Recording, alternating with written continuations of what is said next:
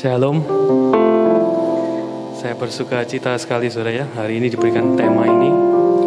Waktu saya dikasih tema ini saya sebenarnya secara jasmani kepengen nolak saudara ya. Karena hari-hari ini lagi penuh. Saya lihat dan juga ada yang membutuhkan persiapan juga saudara. Tapi ketika saya melihat temanya ini saudara, Christ is enough. Dan ayat yang diberikan ini saudara dan penjelasan dari pengurus tentang apa yang harus saya sampaikan. Saya nggak bisa nolak saudara ya. Saya nggak bisa nolak saudara. Karena apa saudara? Dari hati saya, saya merasa ini ini adalah satu topik yang menjadi pengejaran saya di dalam hidup saya. Mungkin lebih dari 10 tahun ini saudara. Ini menjadi topik hidup saya pribadi saudara ya. Dan saya rindu pada malam hari ini setiap saudara juga bisa merasakan apa yang saya rasakan dan bahkan lebih lagi. Saudara, saya akan bacakan ayatnya yaitu di dalam Mazmur 73 ayat 25 sampai dengan 26. Siapa gerangan ada padaku di surga selain engkau? Selain engkau tidak ada yang kuingini garis bawahi kata ini saudara. Kuingini di bumi. Sekalipun dagingku dan hatiku habis lenyap, gunung batuku dan bagianku tetaplah Allah selama-lamanya. Allah yang menjadi bagiannya. Ketika apa? Ketika dagingku dan hatiku lenyap. Alias apa saudara? Mati. Bahkan di dalam hal yang terburuk sekalipun saudara. Pemasmur mengatakan apa? Yang paling penting itu cuma Tuhan. Christ is enough. Cukup. Puas. Puas tidak dari hal-hal yang lain. Hanya dalam Kristus. Saudara, saya melihat ada banyak orang-orang Kristen yang belum bisa menangkap hal ini. Dalam artian ketika mereka menjalani hidup mereka sebagai seorang Kristen, mereka nggak pernah merasakan kepuasan ini, saudara. Mereka masih tergantung, membutuhkan kepuasan itu dari hal-hal yang lainnya. Mereka mengejar sukacita itu dari hal-hal yang lainnya. Saya rindu setiap saudara, saudara pulang, saudara betul-betul menangkap hal ini. Bahwa kita perlu mengejar. Saudara, sejak mungkin lebih dari 10 tahun yang lalu, saya banyak merenungkan firman Tuhan dan saya menjadi orang yang mengejar, mengejar kesukaan di dalam Tuhan. Dan itu saya melihat saudara ya, sampai hari ini Tuhan itu mengubahkan begitu banyak hal di dalam hidup saya. Itu sesuatu yang luar biasa saudara. Setelah satu tahun ini saudara, saya renungkan hidup saya kalau saya lihat luar biasa. Kesukaan dari Tuhan itu sangat penting. Saudara, banyak orang mengatakan bahwa kalau jadi orang Kristen itu kaku, penuh dengan peraturan, penuh dengan harus ini, harus itu, penuh dengan kewajiban, tanggung jawab, ketaatan. Wah, yang lebih parah lagi saudara ya, korbankan dirimu, ya. Ada orang yang menafsirkan, wah berikan seluruh kesukaanmu di hadapan Tuhan. Wis, kamu punya kesukaan, wis. Hidupmu itu merana aja, wis. Pokoknya kamu harus mengorbankan seluruh hidupmu di hadapan Tuhan. Wah, rasanya kalau orang yang belum mengenal Tuhan, saudara rasanya, wah, hidup jadi orang Kristen ini berat. Penuh dengan tuntutan, penuh dengan tanggung jawab, harus hidup suci. Oh, semua itu benar, saudara ya, tidak salah. Tetapi kita akan melihat, di dalam firman Tuhan itu terlalu banyak perintah untuk kita bersuka cita di dalam Tuhan. Salah satu contoh, saudara. Kalau saudara lihat di dalam ayat yang paling terkenal Filipi 4 ayat yang keempat, di situ dikatakan bersukacitalah senantiasa di dalam Tuhan. Dan kalau saudara lihat seluruh kitab Filipi itu saudara ya, itu disebut book of joy saudara ya. Buku tentang apa saudara? Tentang sukacita. Ya, Nah, lagi satu ayat saudara. Mazmur 32 ayat yang ke-11. Bersukacitalah di dalam Tuhan dan bersorak-soralah. Tuhan itu nyuruh kita saudara untuk bersukacita. Satu lagi, Mazmur 37 ayat yang keempat. Bergembiralah karena Tuhan maka ia akan memberikan kepadamu apa yang diinginkan hatimu. Di dalam setiap tanggung jawab yang diberikan oleh Tuhan, ketaatan yang dituntut oleh Tuhan, Tuhan itu menuntut kita melakukannya bukan didasari oleh keterpaksaan, tapi oleh sukacita, saudara. Oleh sukacita, oleh kegembiraan, ya. Mungkin ketika saya mengatakan seperti ini, di antara saudara mungkin ada yang masih mukanya ragu gitu rasanya. Ikut Tuhan kok sukacita ya. Selama ini aku belum pernah merasakan sukacita yang gimana. Aku belum bisa membedakan diriku dengan orang-orang yang tidak mengenal Tuhan. Tidak ada bedanya. Mari kita malam hari ini mau belajar tentang sukacita. Ada satu ayat lagi saudara, saya mau sharing saudara. Mungkin bisa ditampilkan next. Ayat ini mengejutkan saudara ya. Di dalam ulangan 28 ayat 47 sampai 48. Di sini dikatakan, karena engkau tidak mau menjadi hamba kepada Tuhan Allahmu dengan sukacita dan gembira. Jadi yang disorotinya bukan saudara tidak mau jadi hamba Tuhan, tapi saudara jadi hamba Tuhan, saudara mengikut Kristus, tapi tidak dengan sukacita. Apa yang terjadi? Walaupun kelimpahan akan segala-galanya, maka dengan menanggung lapar dan haus, dengan telanjang dan kekurangan akan segala-galanya, engkau akan menjadi hamba kepada musuh. Saudara, ketika saudara mengikut Kristus, melayani Tuhan, tapi tidak dengan sukacita, saudara akan jadi hamba musuh. Siapa hamba musuh kita? Dosa, iblis. Ketika kita tidak bisa mengikut Tuhan dengan penuh sukacita, setiap ibadah, setiap pembacaan firman itu adalah sesuatu yang menyenangkan, maka kita akan menjadi hamba siapa? hamba musuh kita. Ini yang dikatakan oleh firman Tuhan. Dan jujur aja ketika saya menemukan ayat ini, saudara, ayat ini cukup mengejutkan. Bukan cuma sekedar kamu akan mengikuti Tuhan dengan sia-sia tanpa sukacita dan kosong, tapi kamu akan jadi hamba musuh. Dan bahkan kalau saudara lihat intisari dari seluruh firman Tuhan ini apa saudara? Hukum yang terutama apa saudara? Kasih. Kasihilah Tuhan Allahmu, kasihlah sesama manusia. Saudara kira-kira kalau saudara mengasihi seseorang, apakah di dalamnya tidak ada unsur sukacita? Ketika saudara mengasihi seseorang, meskipun di dalam hubungan itu ada hal-hal yang menyakitkan, tetapi yang mendasari saudara mengasihi seseorang itu adalah sukacita. Ketika sepasang suami istri mungkin tidak sedang melakukan apa-apa, tidak sedang berlibur, hanya di rumah sendirian. Ketika pasangan suami istri ini penuh dengan sukacita, penuh dengan kasih, cuma ditunggoi aja, itu bisa membuat sukacita. Ya berapa waktu yang lalu saya melakukan tes, saudara ya, melakukan tes itu apa? Tes apa? love language itu. Nah, saya sama istri saya nyoba ngetes.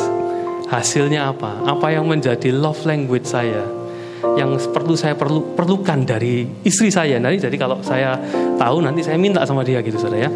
Kemudian saya ngecek mungkin apakah saya ini suka dikasih gift atau mungkin saya ini suka di uh, ada lima hal saudara bisa google sendiri saudara ya. Tapi nomor satu itu saya yang muncul itu adalah quality time.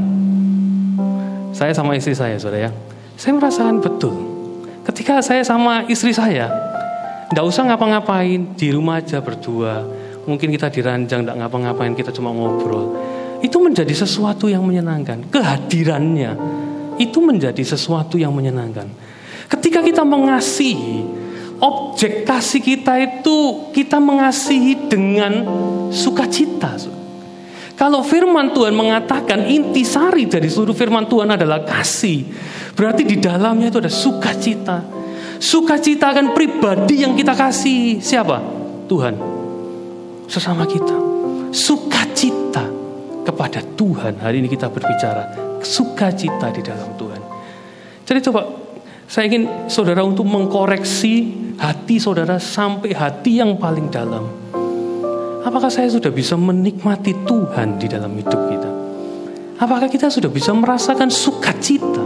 Apakah kita bisa merasa puas Sampai kita mengatakan seperti yang dikatakan oleh pemazmur, aku tidak perlu yang lainnya. Aku tidak memerlukan yang lainnya untuk hatiku bisa puas. Aku cuma perlu Kristus di dalam hidupku. Saudara, sebelum kita masuk lebih dalam, saya perlu membangun sebuah dasar terlebih dahulu. Sukacita di dalam Tuhan, kepuasan di dalam Tuhan itu apa, saudara? Kita baca di dalam Mazmur 16 ayat yang ke-11. Saya bacakan. Mazmur 16 ayat yang ke-11 dikatakan, Engkau memberitahukan kepadaku jalan kehidupan. Di hadapanmu ada sukacita berlimpah-limpah. Di tangan kananmu ada nikmat senantiasa. Di hadapan Tuhan ada apa saudara? Ada mobil mewah, ada kesehatan, ada kekayaan, ada apa saudara? Ada sukacita.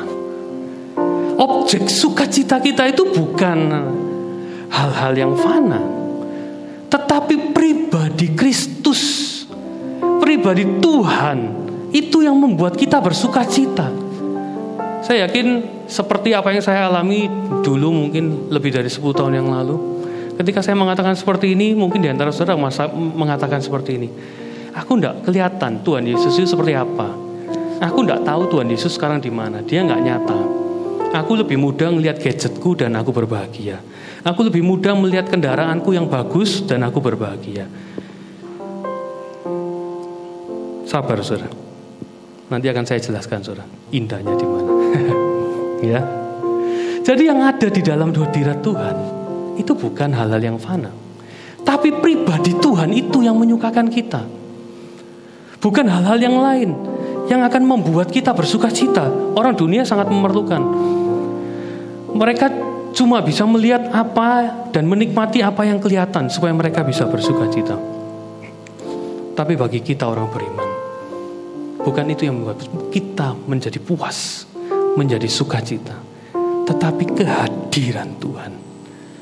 Tuhan itu memuaskan kita bukan dengan pemberiannya. Tuhan itu memuaskan kita dengan dirinya, dengan pribadinya, dengan kehadirannya di dalam hidup saudara. Itu yang akan ketika saudara bisa menangkap itu. Saudara akan melihat sesuatu yang luar biasa Bahkan saudara kan mengatakan aku tidak perlu yang lain. Karena ini yang aku butuhkan. Aku puas. Ya. Berapa banyak orang Kristen dan khususnya orang-orang yang belum mengenal Kristus itu tidak bisa melihat hal ini. Saudara. Banyak orang termasuk juga orang Kristen yang tidak bisa melihat keindahan di dalam Kristus. Kenapa saudara? Sejak kejatuhan manusia, manusia itu jauh dari Tuhan. Sehingga manusia itu tidak bisa melihat Tuhan itu sebagai sumber kesukaan. Nah, saudara perlu tahu bahwa hati manusia ini cenderung untuk mengejar kesukaan. Betul saudara? Ada saudara sini yang mau soro, menderita, aku mau sakit aja dah. Aku mau miskin aja dah, aku mau uh, hidup pas-pasan, dihina, dilecehkan. Ada yang mau saudara? Setiap kita itu pada dasarnya adalah seorang pribadi yang hedonis dalam bentuknya masing-masing. Ada setiap orang memiliki me time-nya, memiliki happy time-nya.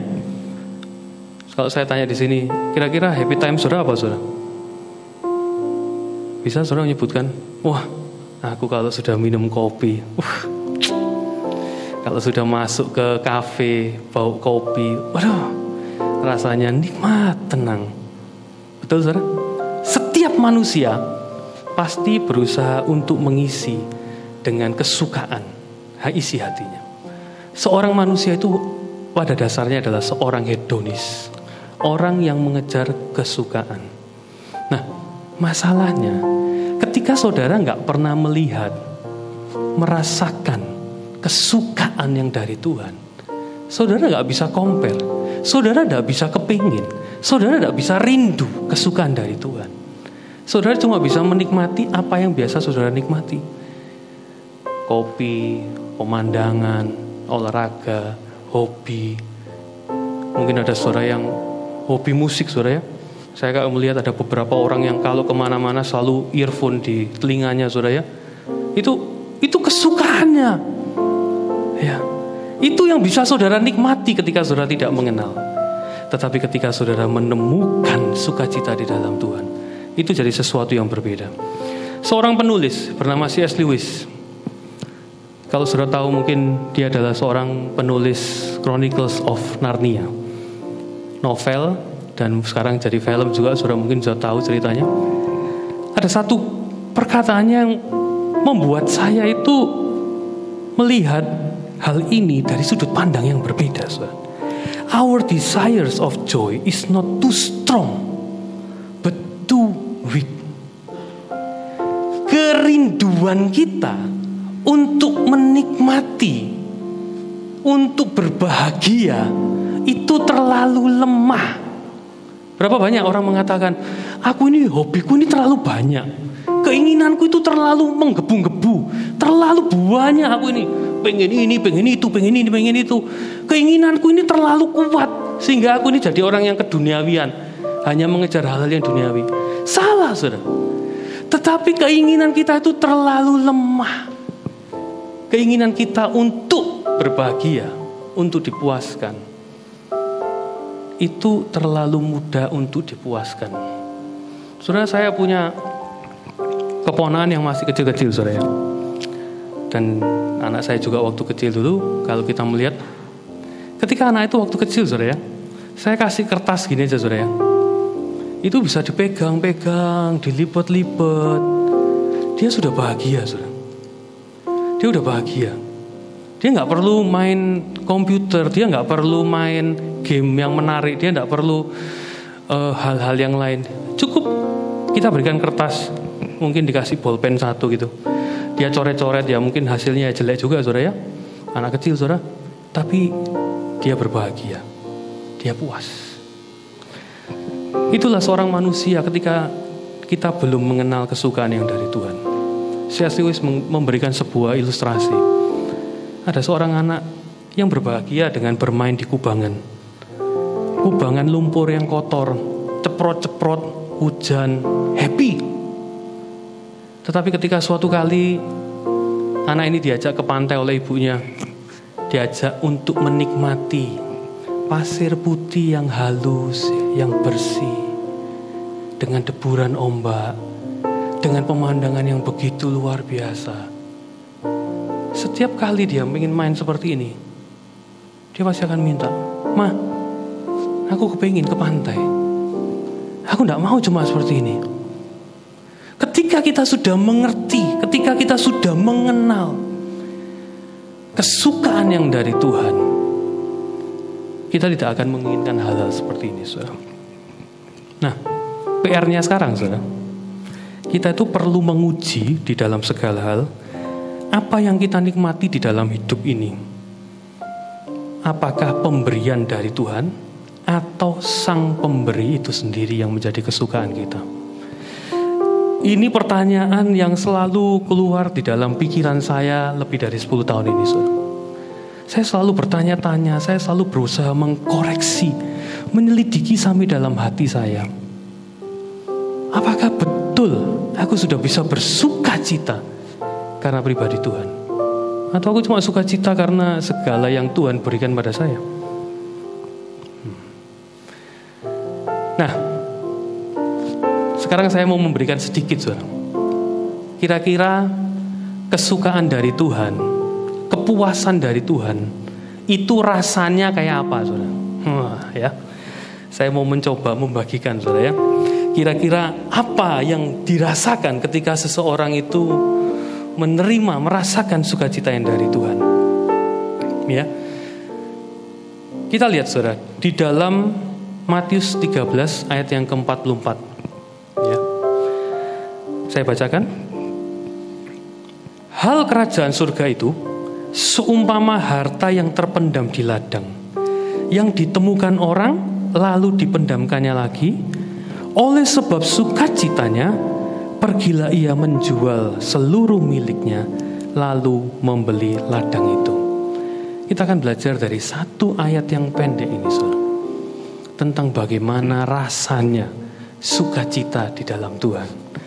Di sini dikatakan hal kerajaan surga itu seumpama harta yang terpendam di ladang. Saudara, ketika saudara menemukan sendok, sendoknya mama saudara di taman belakang saudara, apakah saudara bahagia? Ketika saudara bongkar-bongkar taman saudara, terus kemudian saudara ketemu uh, pupnya anjing saudara, are you happy? Anda excited? Nah kan saudara ya. Di sini diceritakan bahwa sukacita itu seperti melihat sebuah harta. Harta, harta itu rare, saudara. Sesuatu yang tidak uh, bahasa Jawanya telecehan di mana-mana, saudara. Bukan sesuatu yang mudah kita temukan di mana-mana. Ketika mungkin dia menemukan harta ini, dia lihat emas. Emas itu nggak ada di mana-mana. Ketika dia menemukan berlian, berlian itu tidak dipanjang di sepanjang jalan ini sehingga setiap orang bisa menemukan seperti kerikil, seperti batu. Seperti itu, Saudara. Ketika Saudara menemukan sesuatu yang rare, sesuatu yang langka, sesuatu yang tidak ada dan yang tidak disediakan di dalam dunia ini. Itulah kesukaan dari Tuhan. Saudara, saya mau memberikan sedikit kesaksian, saudara ya. Ya, ini kesaksiannya agak kurang baik sebenarnya, saudara ya. Jadi semenjak saya menikah tahun 2006, ya sebelum menikah saya selalu tinggal bersama dengan orang tua saya, saudara. Nah, ketika 2006 saya menikah, saya tinggal di rumah sendiri, saya berpenghasilan sendiri, ya saya bebas dan akhirnya pada waktu itu saya seperti ini saudara singa lepas dari kandang saudara. Uh. Sebagai seorang pelayan Tuhan saudara ya. Sebagai seorang anak Tuhan ya. Saya berusaha untuk melampiaskan setiap hobi yang saya punya. Kalau saudara yang kenal saya saudara pasti tahu hobi saya itu banyak saudara ya. Hobi saya dulu itu sebelum menikah itu, wah banyak saudara. Segala sesuatu bisa tak jadikan hobi saudara. Kasarannya seperti itu. Main remote control suka, koleksi, mainan terus, main game suka, game mulai dari game konsol sampai dengan game komputer itu menjadi kesukaan. Terus kemudian apalagi ya? Fotografi pernah sempat suka, terus kemudian gadget-gadget ya terus kemudian waduh saya sampai lupa saudara ya apa aja yang pernah saya sukai saudara ya dan kemudian segala sesuatu yang berkaitan dengan mobil itu pasti saya suka saudara ya saya bisa sampai istilahnya saya menyebutkan ini nih kesukaan yang betul-betul saya kejar saudara ketika saya bebas dari orang tua saya saya melampiaskan semuanya itu. Satu kali mungkin saudara pernah ingat saya pernah saksi dalam dua tahun saya pernah ganti handphone 32 kali. 32 kali. Karena apa? Ketika saya beli handphone, kemudian uh, saya bongkar, saya kemudian uh, ganti ROM, ditweak ini itu dan itu menjadi kepuasan bagi saya, saudara. Ya, sampai akhirnya saya di akhir-akhir itu saya merasakan kepuasan puncak itu ya. Saudara tahu, ketika saya beli gadget itu, terus kemudian buka dusnya, unboxing itu, saudara. Uh, itu kepuasan yang paling puncak. Setelah itu langsung cus. Ya.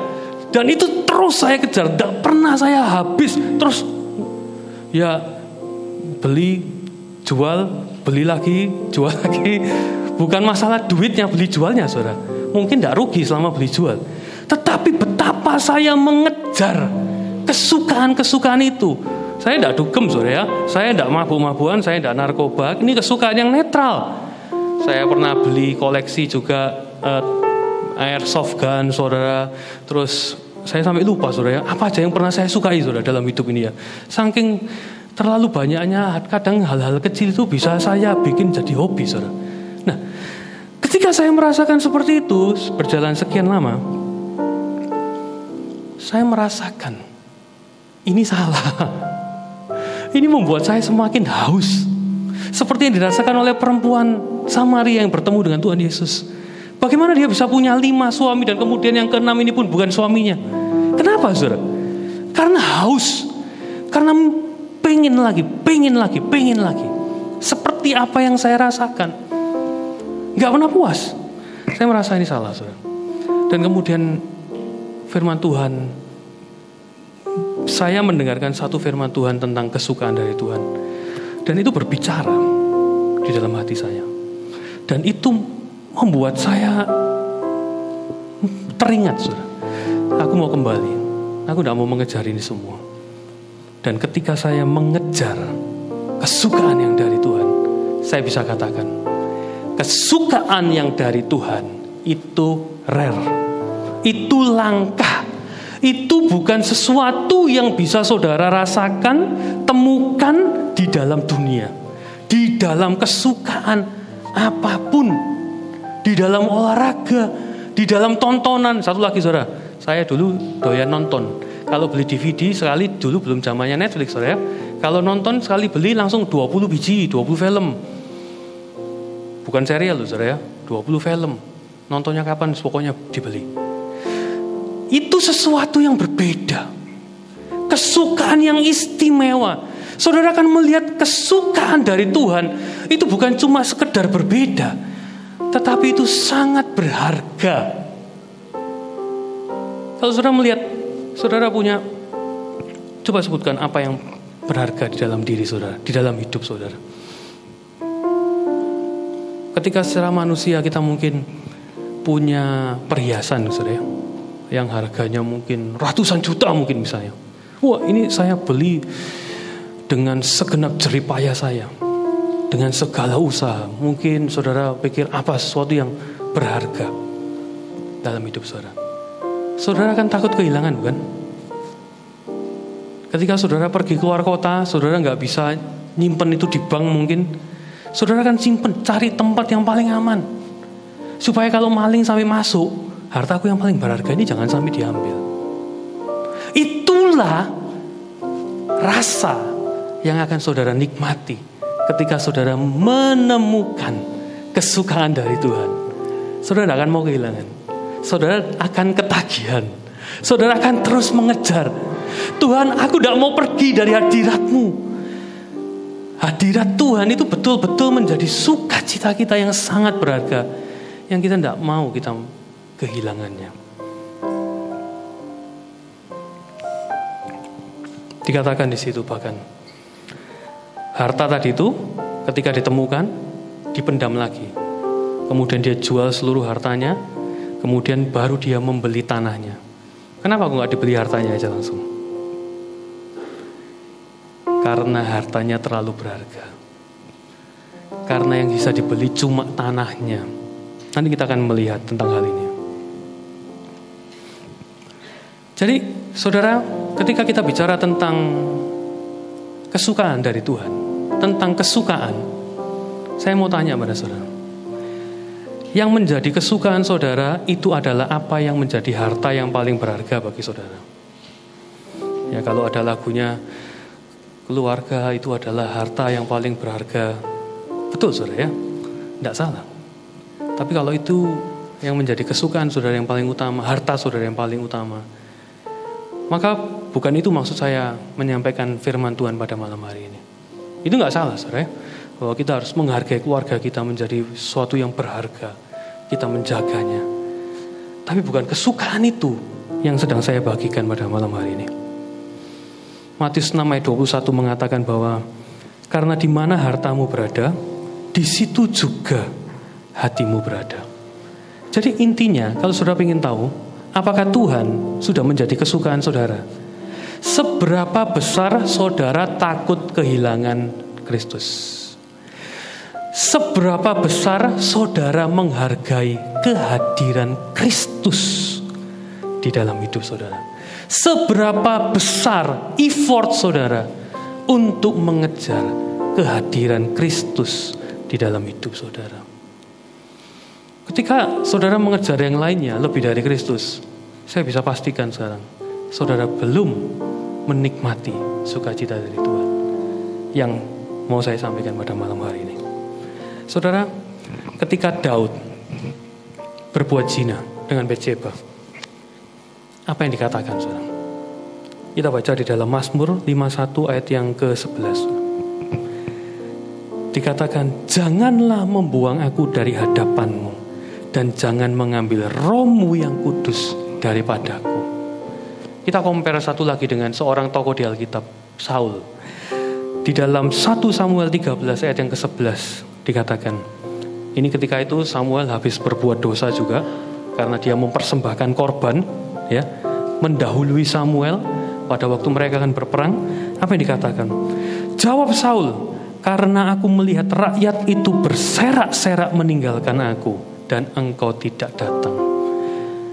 Daud ketika dia terbongkar aibnya, saudara, saudara bisa bayangkan tidak kira-kira ketika Daud ini dibongkar aibnya, malu nggak saudara? Wih, kalau saya bayangkan saudara ya, dalam nama Yesus saya tidak jadi seperti itu saudara ya. Nah, sampai jatuh seperti itu saudara ya. Tapi kalau sampai itu dibongkar, itu sesuatu yang memalukan. Tetapi Daud tidak peduli. Yang dipedulikan Daud itu apa? Kehadiran Tuhan, penyertaan Tuhan di dalam hidupnya. Dia nggak peduli.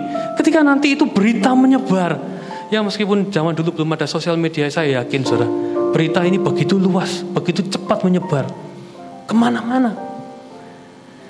Dia tidak peduli dengan apa yang dikatakan oleh rakyatnya. Mungkin rakyatnya akan mendemo dia, menjauhi dia, menurunkan dia, melengsarkan dia karena dia berbuat cabul, pelecehan seksual, mungkin seperti itu. Dia nggak peduli. Yang dipedulikan Tuhan, aku minta ampun Tuhan, jangan pergi dari aku Tuhan. Beda dengan Saul. Ketika dia berbuat salah, yang penting apa? Bagaimana orang-orang melihat aku? Yang lebih berharga bukan Tuhan, tapi dirinya. Yang ber, lebih berharga adalah posisinya, jabatannya, kekayaannya. Saudara, kita mau belajar dari dua tokoh ini. Untuk kita bisa menyelidiki isi hati kita. Kita kembali lagi ke dalam Matius 13 ayat 44 tadi. Di situ dikatakan kalimat selanjutnya, dan sebab sukacitanya, pergilah ia menjual seluruh miliknya, lalu membeli ladang itu. Nah, sering kali kita mendengar bahwa untuk kita bisa mendapatkan harta yang terpendam itu, saudara ya, kita disuruh untuk menjual seluruh harta kita, betul saudara? Ya, jual segala hobimu, jual segala kesukaanmu. Wah, setiap hari itu kamu harus punya waktu lebih dari 10% untuk Tuhan. Kalau bisa berikan seluruh waktumu untuk Tuhan. Bertapa di gunung sana. Ya. Kamu keluar dari segala kesukaan dunia. Ya. Berapa banyak orang yang gagal untuk mendapatkan harta ini. Ketika dia cuma disuruh untuk menjual hartanya. Satu hal yang penting, saudara di dalam ayat ini, orang ini menjual seluruh hartanya oleh sebab sukacitanya. Wow, tidak ada paksaan, tidak ada tuntutan, tidak ada tanggung jawab, tidak ada ketaatan yang harus diberikan, tetapi dari hatinya dengan sukacita dia menjual, dia menjual seluruh hartanya Saudara, karena mungkin kita merasakan saudara ya, waduh, aku tidak punya hobi ini, mana bisa ya? Mana bisa ya? Aku itu membuang hobiku ini ya, kesukaanku ini. Saudara, saya merasakan sendiri, saudara. Rasanya nggak mungkin, saudara. Saya kalau sudah memikirkan hobi saya, saudara ya, zaman-zaman dulu, itu semalaman bisa nggak tidur, saudara. Bisa bermalam-malam. Bukan karena kepikiran masalah, bukan masalah utang, bukan masalah kesukaran, masalah untuk memikirkan kesukaan. Itu begitu melekat di dalam hati saya. Mungkin ada di antara saudara yang e, pergumulannya lebih kecil dari saya, saudara ya. Saudara tidak terlalu banyak kesukaan dunia mungkin. Ada saudara. Diajak ngelencer gak doyan, diajak mobil gak doyan, diajak sepedaan, olahraga gak doyan. Doyannya apa? Tidur. Itu mungkin pergumulannya lebih ringan, saudara. Tapi bagi saya, saya merasakan saya gak mungkin dengan rela hati menaruh semua kesukaan saya di hadapan hadirat Tuhan untuk aku mengejar kesukaan. Ini lebih berharga. Hobiku ini lebih berharga. Tetapi ketika saudara bisa menemukan kesukaan yang sejati dari Tuhan, semua itu buyar, saudara. Semua itu menjadi tidak penting. Kita bisa menjual seluruh apa yang kita miliki, yang kita kita sukai untuk kita mendapatkan harta itu. Ini pertobatan, saudara. Pertobatan itu ya saya kemarin habis PD, mengerjakan PD tentang lahir baru, saudara ya. Pertobatan itu bukan cuma sekedar baptisan, tetapi sampai di dalam hati. Hati yang berubah.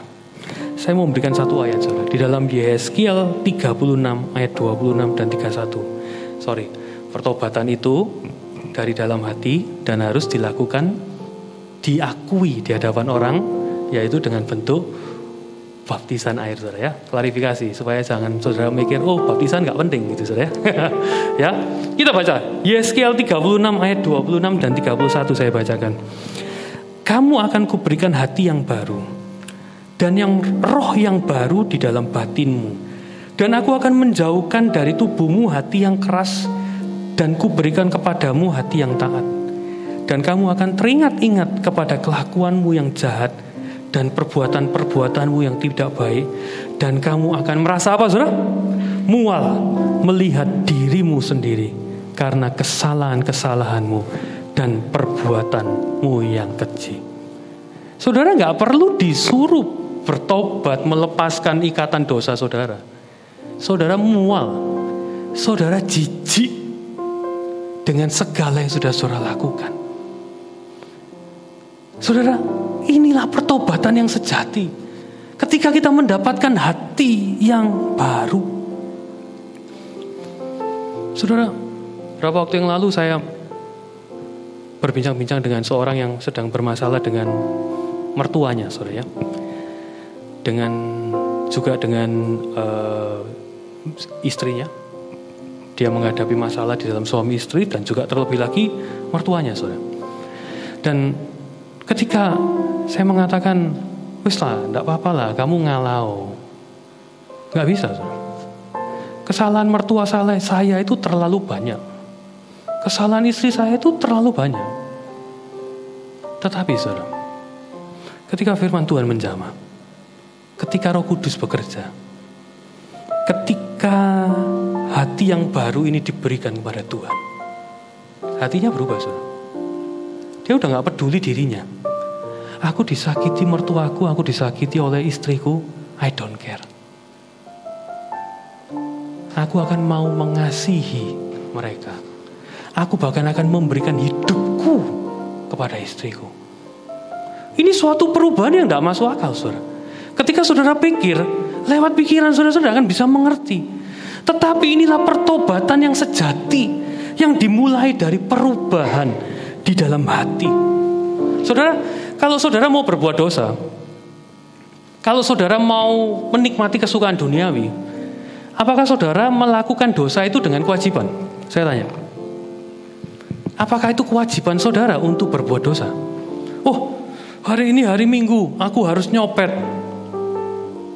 Apakah itu kewajiban saudara? Aku hari ini, aduh, aduh, terpaksa aku, aku hari ini harus selingkuh. Aduh, ini tugasku hari ini aku harus lihat gambar porno. Apakah itu tugas saudara, kewajiban saudara? Bukan saudara. Itu kesukaan saudara. Kalau saudara baca 10 hukum Taurat, segala dosa-dosa yang ada, yang menjadi larangan, itu kesimpulannya penyebabnya satu saudara. Hukum yang terakhir yang ke-10. Jangan mengingini. Ketika seorang mencuri, karena dia ingin menjadi kaya, karena dia ingin menjadi lebih baik. Ketika dia berzina, karena dia ingin kesukaan, karena kesukaan, kesukaan, kesukaan, dan segala kesukaan itu, baik yang berdosa, baik yang tidak berdosa seperti yang saya alami, itu kan habis ketika saudara memiliki sukacita di dalam Tuhan. Ketika sukacita itu melimpah dalam hati kita, segalanya itu menjadi pudar. Jadi tidak menarik. Saudara, mungkin Saya yakin ada beberapa di antara saudara pernah mengalami hal seperti ini. Mungkin saudara bisa sharing di PS. Ya. Saya mengalami banyak hal saudara. Yang dulu itu penting bagi saya, menarik bagi saya. Tetapi sekarang pudar saudara. Nggak penting. Nggak ada itu ya nggak apa-apa. Saya masih bisa menikmati di dalam beberapa hal. Tetapi itu menjadi tidak penting. Ketika saya harus memakai sesuatu yang tidak sesuai keinginan saya pun, itu nggak penting. Nggak masalah. Amsal 27 7 mengatakan orang yang kenyang menginjak-injak madu. Kalau saudara kenyang dengan kesukaan dari Tuhan, madu diinjak-injak. Tapi orang yang lapar, segala yang pahit dirasakan manis. Ketika sukacita dari Tuhan itu saudara dapatkan, cara berpikir saudara akan berubah. Di dalam hal apa, saudara? Keluarga contohnya. Satu kali saya pernah mungkin menyampaikan sebuah kesaksian di KAP juga. Ada seorang pasangan suami istri yang kedapatan istrinya itu berbuat curang, berselingkuh. Tetapi ketika orang ini, karena orang ini orang yang sungguh-sungguh dan dia betul-betul mengasihi Tuhan dan saya yakin dia sudah merasakan sukacita dari Tuhan. Apa yang dikatakan? Dia tidak peduli apakah, bukan tidak peduli. Dia tidak peduli dengan apa yang menyakiti dirinya. Karena kepuasannya itu bukan dari istri yang baik, yang setia, yang tidak selingkuh. Tetapi kepuasannya adalah di dalam Tuhan. Ketika dia melihat seperti itu, dia jatuh hati. Dia semakin mengasihi. Dia datang bukan meskipun dari sakiti, dia mampu menyelamatkan istrinya. Kejadian-kejadian seperti ini, saudara, ini bisa sangat sering terjadi ketika saudara memiliki sukacita dari Tuhan. Berpikir saudara, sudut pandang saudara akan berubah dalam hal pekerjaan. Ketika saudara percaya bahwa kesukaanku, kepuasanku itu bukan dari segala materi yang aku dapat Ketika saudara bekerja wira swasta, omset saudara mulai turun. Saudara tidak menggantungkan sukacita saudara di dalam omset saudara. Ya kalau seorang yang bisnis ngerti saudara ya, omset itu naik turun saudara ya. Hari ini bisa banyak, besok bisa sedikit. Ketika kita mempunyai kesukaan yang dari Tuhan, kita sudah ngerti, kita sudah ngerasakan. Kita tahu, aku tidak mau gantungin di sini. Percuma karena kesukaanku dari Tuhan. Aku tidak dipuaskan dari aku bisa membeli banyak barang karena uangku banyak. Aku tidak dipuaskan dari ketika aku menjadi terkenal. Ketika aku dilihat, ketika aku dihargai, ketika aku mendapatkan hal-hal yang baik dalam hidupku. Kepuasanku hanya di dalam Tuhan.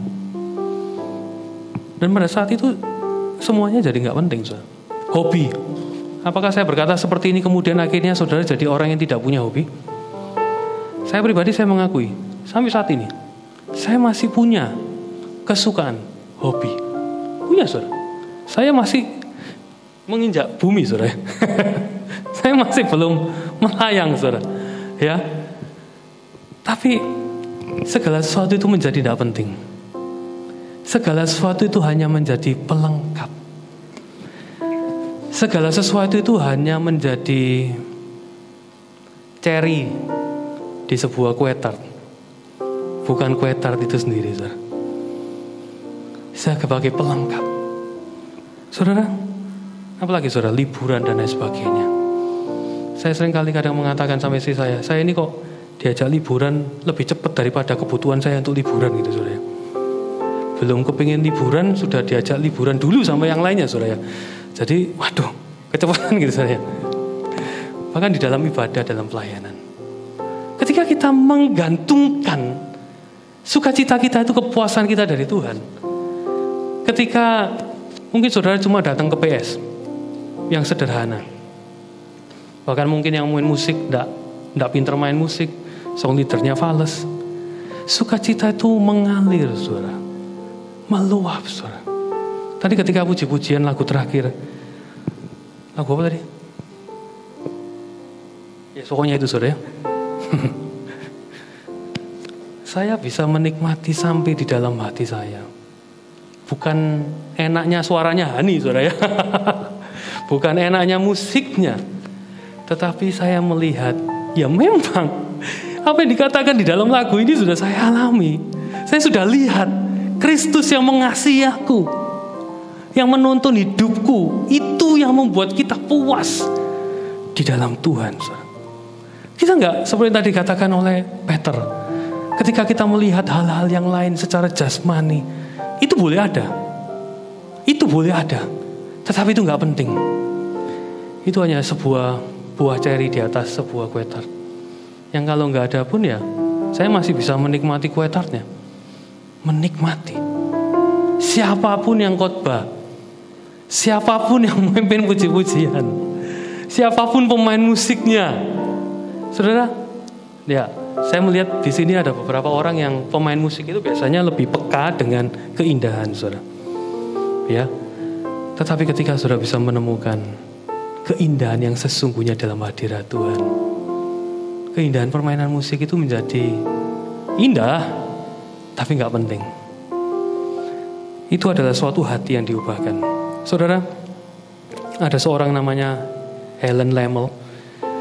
Dia menulis sebuah lagu judulnya ini saudara. Saya ingin membagikan ini kepada saudara karena saya terkesan. Ini menjadi lagu yang saya sangat sukai saudara. Turn your eyes upon Jesus. Look full in his, in his wonderful face, and the things of earth will grow strangely dim in the light of his glory and grace. Ini seorang penyanyi ketika itu dia menemukan sebuah traktat tentang menceritakan tentang bagaimana keindahan itu bisa bergeser. Ketika cahaya matahari menyinari sebuah bunga, dan bunga itu yang tadinya kelihatan biasa. Ketika matahari itu menyinari, itu membuat bunga itu begitu indah, begitu mulia. Demikian juga dengan kita, ketika kita melihat His wonderful face, kita bisa menikmati keindahan Tuhan. Yang lain itu bisa seolah-olah kok membosankan ya, kok nggak penting ya, kok aku sudah tidak mengejarnya ya. Kok aku sudah nggak mau ya? Wah, itu suatu yang luar biasa, saudara ya. Nah, di dalam kalimat yang terakhir dikatakan, oh sorry, bukan kalimat yang terakhir dari Matius 13 ayat 44 kita kembali lagi.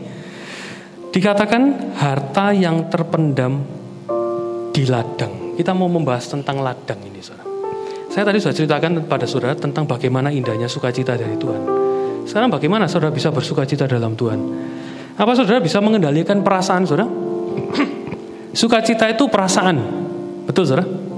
Sukacita itu perasaan. Saudara bisa ngomong, ayo senang, senang, senang, sukacita, sukacita. Hmm, saudara tidak akan bisa merasakan sukacita dengan cara itu. Sukacita itu bukan seperti pikiran yang bisa diatur. Ketika saudara mengset pikiran saudara dengan firman Tuhan, saudara bisa Aku menghadapi kesukaran, tapi oke, okay, aku harus bersyukur sama Tuhan. Saudara set pikiran saudara, oke, okay, ini Tuhan sedang bekerja di balik ini semua. Roma 8:28, kita cocokkan pikiran kita dengan firman Tuhan. Itu pikiran saudara, perasaan. Saudara bisa. Saya cerita seperti ini saudara pada, pada saudara, begitu panjang lebar dengan tentang sukacita dari Tuhan. Saudara bisa merasakan langsung, langsung saudara secara spontan merasakan, wah luar biasa Saudara mungkin cuma melihat diri saya, itu saja yang bisa saudara rasakan. Sukacita itu soal perasaan yang tidak bisa kita kendalikan. Lalu apa yang bisa kita lakukan untuk kita bisa mendapatkan suka, menemukan sukacita itu? Yaitu dengan menggali ladang. Apa menggali ladang, saudara? Kita mau belajar dari apa yang dikatakan oleh Mazmur di dalam Mazmur 119 ayat yang ke-15. Bagaimana kita menggali untuk kita bisa menemukan sukacita itu? Dikatakan Mazmur 119 ayat 15, Aku hendak merenungkan titah-titahmu dan mengamat-ngamati jalanmu. Kita itu bisa melihat keindahan Tuhan dari apa saudara? Menggali dari firman Tuhan dan dari jalan-jalan Tuhan dari words and works of God. Dari segala firman Tuhan dan dari segala pekerjaan Tuhan. Saudara, ini proses penggalian kita. Kita makanya kita perlu punya masa teduh sendirian, bukan cuma sekedar mendengarkan khotbah di gereja, mendengarkan podcast rohani, mendengarkan firman Tuhan lewat YouTube, tetapi kita punya waktu untuk kita sendirian kita membaca firman Tuhan, kita merenungkan firman Tuhan, dan juga merenungkan pekerjaan Tuhan di dalam hidup kita. Kalau saya akhir-akhir ini melihat pekerjaan Tuhan di dalam beberapa orang dekat saya, saudara. Pekerjaan Tuhan yang unik. Ketika seseorang itu masuk di dalam lembah bayang-bayang maut. Ketika seseorang itu masuk di dalam padang gurun tiang awan itu ada di sana. Padang gurun jadi nggak penting. Yang penting adalah tiang awan yang ada di situ. Saudara, kita harus mau menggali firman Tuhan. Berapa kali saya pribadi ketika saya membelajar belajar firman Tuhan, saya kalau baca Alkitab saudara ya, ini tidak perlu saudara contoh. Kalau yang lainnya mungkin ada yang mengatakan, saya kalau baca Alkitab harus pakai Alkitab. Saya nggak bisa. Jujur aja saya tidak bisa pakai buku Alkitab. Tapi ini bukan untuk diterapkan ke semua saudara ya. Saya harus pakai handphone, saya harus pakai gadget saya. Karena apa? Setiap kali saya membaca firman Tuhan, saya tidak bisa cuma membaca dari satu terjemahan. Saya selalu terdorong untuk melihat mengompar dengan terjemahan lain, mengompar dengan tafsiran-tafsiran uh, uh, apa istilahnya uh, komentari-komentari dari hamba-hamba Tuhan. Kemudian mempelajari di sana dan itu begitu banyak resource yang harus saya cari sehingga saya memerlukan gadget. Dan ketika saya menemukan sesuatu hati saya tertambat kepada suatu kebenaran. Itu bisa menghabiskan waktu berhari-hari. Bukan untuk membaca, tetapi untuk merenungkan Sampai saya kemudian gali ke sana, ke sini, ke sana, ke sini. Untuk saya tahu untuk ketika saya kemudian menemukan sesuatu apa yang dimaksudkan oleh firman Tuhan itu, itu betul-betul menjadi suatu sukacita. Seperti menemukan harta yang terpendam. Dan ketika itu terjadi di dalam hidup saudara, setiap minggu, setiap hari, setiap saat, segala sesuatu yang lain menjadi pudar. Tidak ada yang saudara ingini selain kesukaan dari Tuhan. Gali, saudara. Coba pikir kehidupan saudara. Dari waktu saudara kecil sampai sekarang. Saudara pikir apa saja yang sudah terjadi. Bahkan khususnya ketika saudara mengalami hal-hal yang buruk di dalam hidup saudara. Bahkan ketika saudara mengalami kejatuhan-kejatuhan di dalam hidup saudara. Pikir saudara, coba direnungkan. Terus saudara berdoa sama Tuhan. Roh Kudus. Roh Kudus itu Roh Kudus itu akan menuntun kita, akan memberikan pencerahan kepada kita, akan menunjukkan kepada kita, akan berbicara kepada kita. Bagaimana Tuhan itu bekerja melalui setiap cerita di dalam hidup saudara. Wah, luar biasa saudara. Saya mempraktekkan ini saudara. Dan ketika saya melihat, bahkan ketika saya diizinkan jatuh pun saya jatuh di dalam tangan Tuhan. Dan saya cuma bisa berkata, Tuhan, aku tidak akan ada di sini kalau bukan Engkau yang menopang aku. Dan itu adalah sebuah fakta yang selalu membuat saya bersuka cita. Selalu membuat saya merasa aku tidak bisa hidup tanpa Tuhan sudah terbukti fakta di dalam hidup saya ini. Dari dulu sampai sekarang apa yang terjadi seperti yang tadi saya ceritakan tadi. Ketika saya bisa melampiaskan segala segala hobi saya, kesukaan saya. Dari sana saya belajar, saudara. Tidak ada yang lebih berharga dari kesukaan Tuhan. Saudara tidak perlu mengikuti jalan saya. Dengan mengikuti, mempelajari, mencoba semua hobi tetapi Tuhan punya rencana, punya jalan untuk saudara masing-masing. Hiduplah melekat di dalam Tuhan. Hiduplah di dalam kesucian. Kasihilah Tuhan. Kejarlah sukacita di dalam Tuhan. belajarlah firman Tuhan, gali terus firman Tuhan. Dan satu ayat lagi saudara, di dalam Mazmur 119 ayat 27, saya bacakan dari terjemahan firman Allah yang hidup saudara ya. Terjemahnya menarik saudara. Berilah aku pengertian mengenai apa yang kau kehendaki. Ya, jadi biar kita mengerti apa yang Tuhan kehendaki, bukan Tuhan suruh ya. Tuhan kehendaki. Supaya aku dapat melihat mujizat-mujizatmu. Kita melihat Tuhan di dalam words and works of God. Di dalam firman Tuhan dan di dalam apa yang dikerjakan Tuhan di dalam hidup kita. Mintalah Tuhan untuk memimpin saudara. Kalau dikatakan di dalam Matius 7 ayat 7 sampai 8, mintalah maka akan diberikan kepadamu. Carilah maka kamu akan mendapatkan. Ketoklah maka pintu akan dibukakan. Saudara saat ini yang aku belum merasakan seperti itu atau aku pernah merasakan seperti itu, tapi itu nggak bertahan lama. Kegiranganku, kesukaanku akan Tuhan itu hanya bertahan sebentar Mungkin waktu camp, aku pulang, aku suka cita. Ketika aku baca firman Tuhan, Tuhan berbicara, aku suka cita, lalu hilang. Saudara, saudara perlu melakukan pencarian penggalian ini setiap hari, setiap saat, melalui setiap perenungan kita. Mari saya kepingin membawa mengajar saudara untuk sama-sama kita menjadi pleasure seeker. Orang-orang yang mengejar kesukaan di dalam Tuhan. Bukan kesukaan-kesukaan di dalam dunia, saudara. Jangan lakukan seperti apa yang saya lakukan. Kejarlah kesukaan di dalam Tuhan. Saudara-saudara yang merasa terikat di dalam dosa. Kuncinya satu, saudara. Ketika saudara bersuka cita di dalam Tuhan. Ketika saudara tidak bisa bersuka cita di dalam Tuhan. Saudara akan menjadi hamba dosa. Menjadi hamba iblis. Kejarlah sukacita kalau saudara mungkin merasa, aku sampai hari ini mungkin sudah 30 tahun aku baptisan mungkin. 20 tahun aku baptisan. Sampai hari ini aku belum bisa merasakan hadirat Tuhan.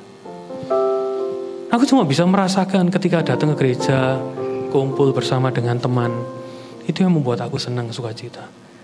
Tapi kesukaan yang murni, rasanya kok aku tidak pernah tahu aku belum bisa menjadi seperti excited, bergairah karena pribadi Tuhan, bukan yang lain.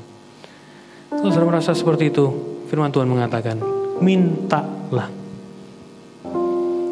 Roh Kudus itu akan memimpin kita. Berdoalah, terus gali kebenaran firman Tuhan.